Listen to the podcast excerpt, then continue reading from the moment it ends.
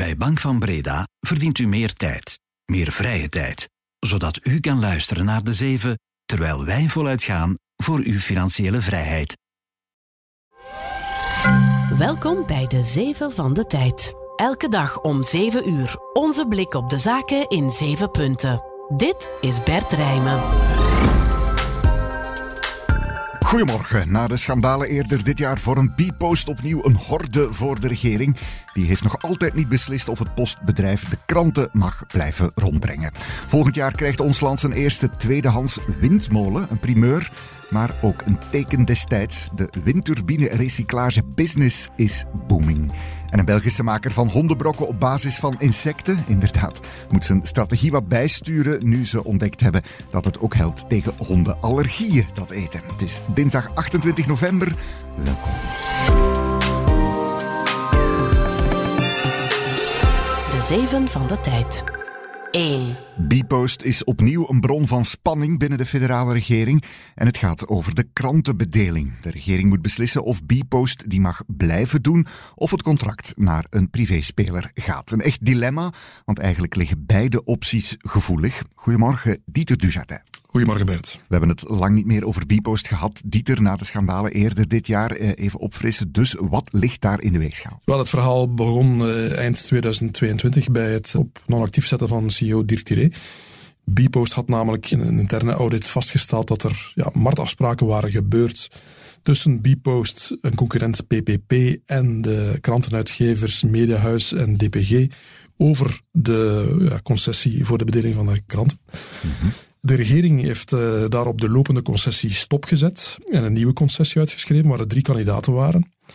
Ja, en nu blijkt op basis van de criteria die zijn vastgelegd, prijs is een heel belangrijke, in mindere mate ook kwaliteit, ja. ja dat die private spelers uh, als eerste uit de race zouden komen. En met name PPP zou dan de krantenbedeling krijgen en Proximy, een Frans bedrijf, de tijdschriftenbedeling.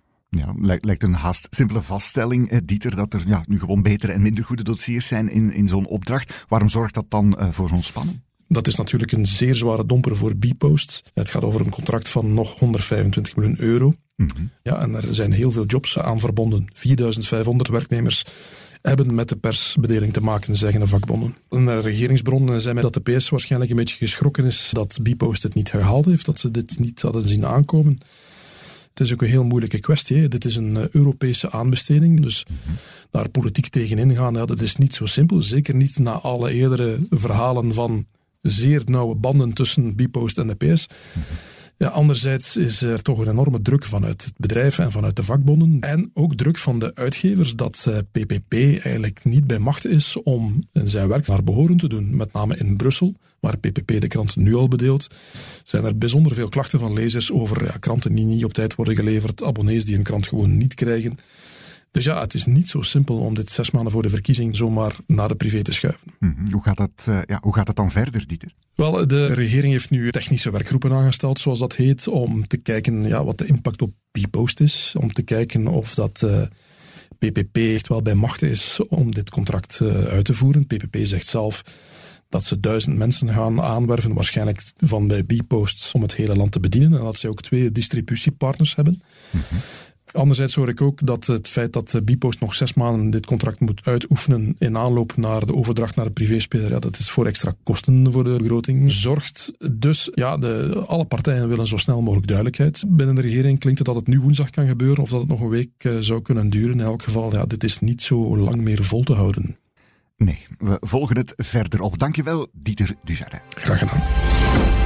2. De overheid heeft vorig jaar een pak meer uitgegeven aan de terugbetaling van Ozempic. Een middel is dat voor diabetespatiënten, maar het wordt vaak ook gewoon gebruikt als afslankmiddel. Terugbetalingen zijn in ons land gestegen naar 41 miljoen euro, dat is 70% meer dan het jaar ervoor.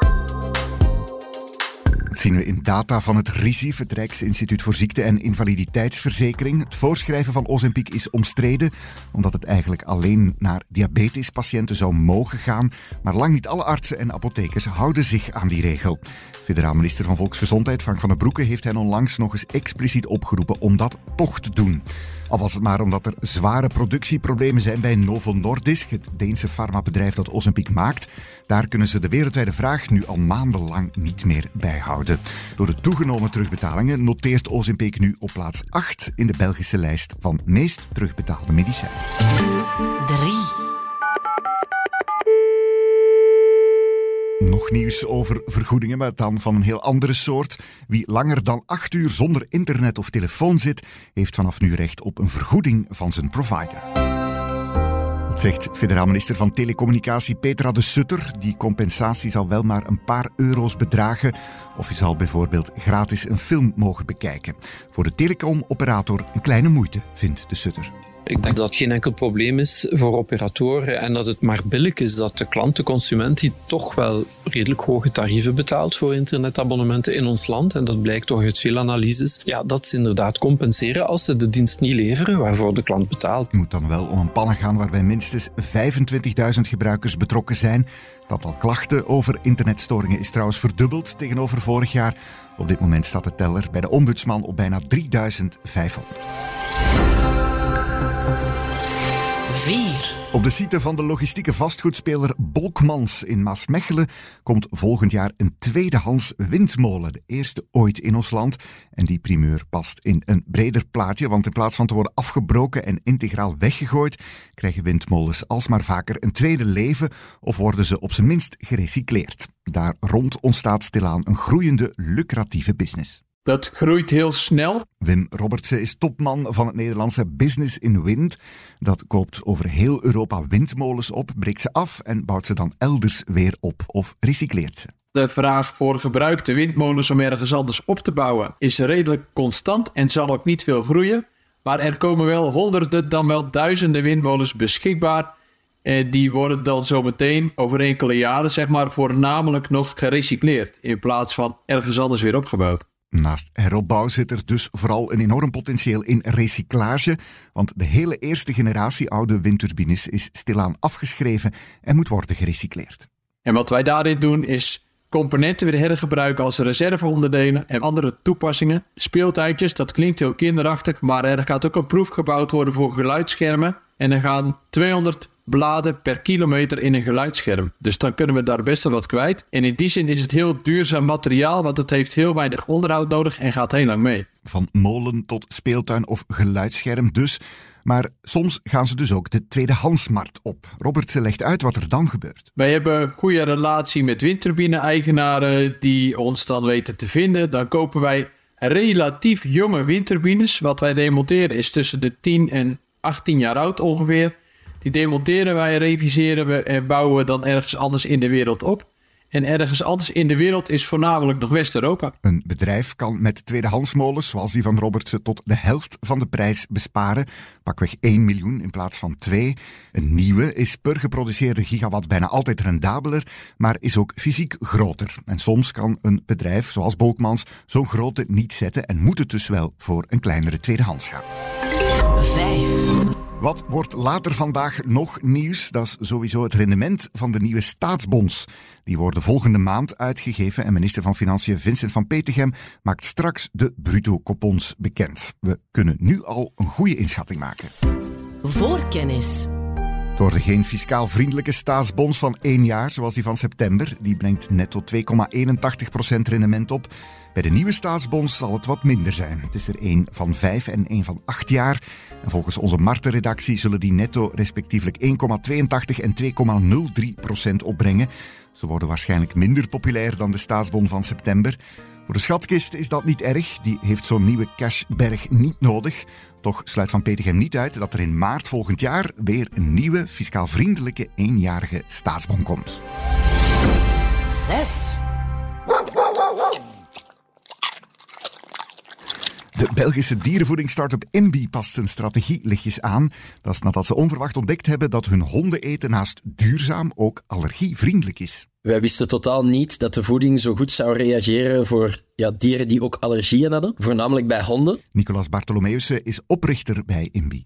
Wij hebben dat per toeval ontdekt, zeg maar. Mensen die ja, na een paar weken dat product gekocht hebben, terugkwamen en zeiden: Ah, mijn hond die krabt veel minder, want die is overgeschakeld op jullie voeding. Of mijn hond had eigenlijk altijd een slechte ontlasting en opeens is dat weggegaan. we hebben een vrij groot netwerk van dierenartsen waarmee dat we samenwerken. En zo hebben we eigenlijk snel de brug kunnen leggen van ah, hoe komt dat dat die klachten verdwijnen? Dat is omdat die dierlijke allergenen plots afwezig zijn in die voeding en vervangen worden door een voedzaam insecteiwit. Want dat is het andere beetje speciale aan die brokken van Imbi. Ze worden dus gemaakt met insecten. Traditioneel hondenvoer en kattenvoer wordt gemaakt met vlees. De laatste jaren ook vaker met vers vlees, wat eigenlijk een beetje in strijd is met de duurzaamheidsmissie, waarbij dat veel mensen toch wat vleesconsumptie proberen te minderen.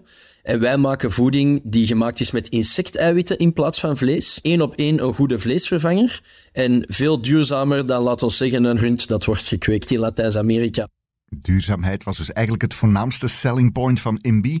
Is dat onderscheidend genoeg? Dat is maar de vraag. Maar goed, nu is daar dus onverwachts allergievriendelijkheid bijgekomen en daarom wordt de strategie een beetje bijgestuurd, zegt Bartolomeeuwsen. De combinatie duurzaamheid en gezond slash vrij van allergenen is wel een winnende combinatie voor huisdierenbaasjes. Dus voor ons houdt de toekomst voornamelijk in dat wij aan het innoveren zijn met meer nieuwe producten, supplementen en snacks bijvoorbeeld, die ook vrij zijn van dierlijke eiwitten. Maar daarnaast ook werken aan een internationale expansie. Wij breiden bijvoorbeeld deze week voor de eerste keer uit naar India waar dat, uh, de hondenpopulatie ook vrij sterk aan het groeien is, maar ook heel veel vegetariërs leven omwille van hun geloof. Inzetten op een nichemarkt dus. Ongeveer 10% van alle honden heeft last van een soort allergie.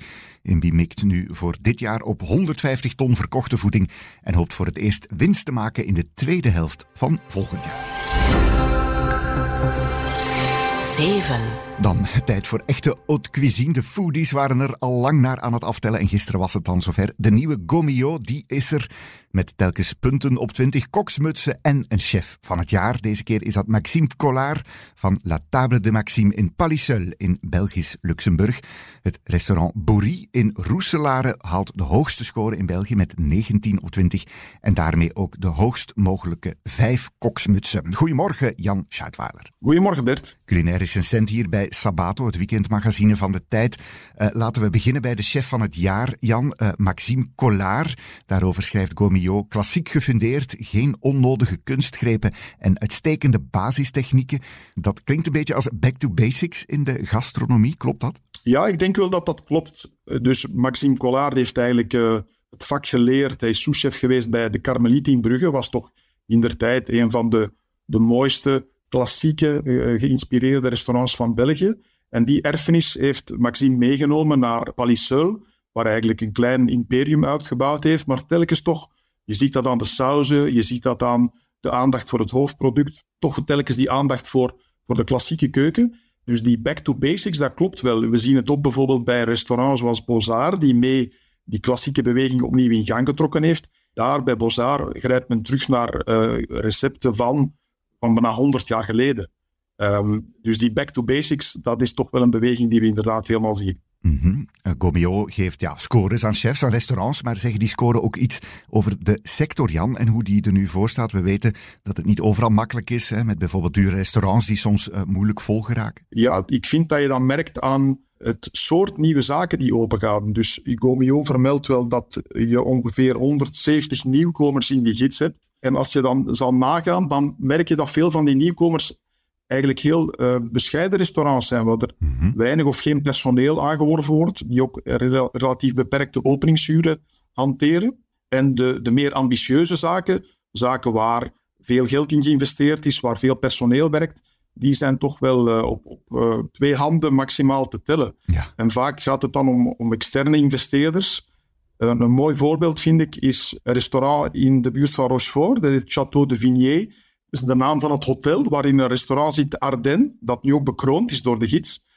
ironisch genoeg is het daar een Vlaming, Marius Bosmans, die daar bekroond wordt door Gomio tot jonge Waalse topchef. En die chef doet fantastisch werk, maar hij kan dat eigenlijk ook maar doen dankzij de investering van Christian Teunissen, de oprichter van uh, Xior, het beursgenoteerde uh, vastgoedbedrijf. Dat is eigenlijk een van de weinige grootschalige investeringen die we de voorbije jaren gezien hebben in topgastronomie, maar dus met extern kapitaal. Grote restaurants kunnen niet zonder groot kapitaal blijkbaar, maar ook klein en fijn kan lekker zijn natuurlijk. Dankjewel Jan Scheidler. Daarmee zit deze de zeven er lekker weer op. Nog even reclame maken voor de beursrally, de beleggenwedstrijd van de tijd. Die loopt al een week, maar het is ver van te laat om je nog in te schrijven.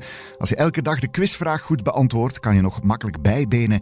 En er is natuurlijk vooral nog veel te winnen door slim te beleggen en voor één keer wel die gevaarlijke gok te wagen met een of ander tech-aandeel of schaamteloos voor olie te gaan.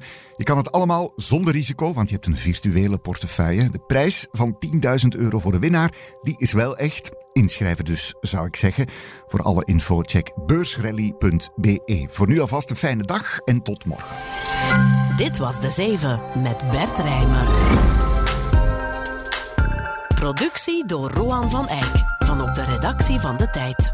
Een recensie in je favoriete podcast-app doet ons veel plezier. Heb je feedback? Stuur het gerust naar podcast.tijd.be. Morgen zijn we er weer.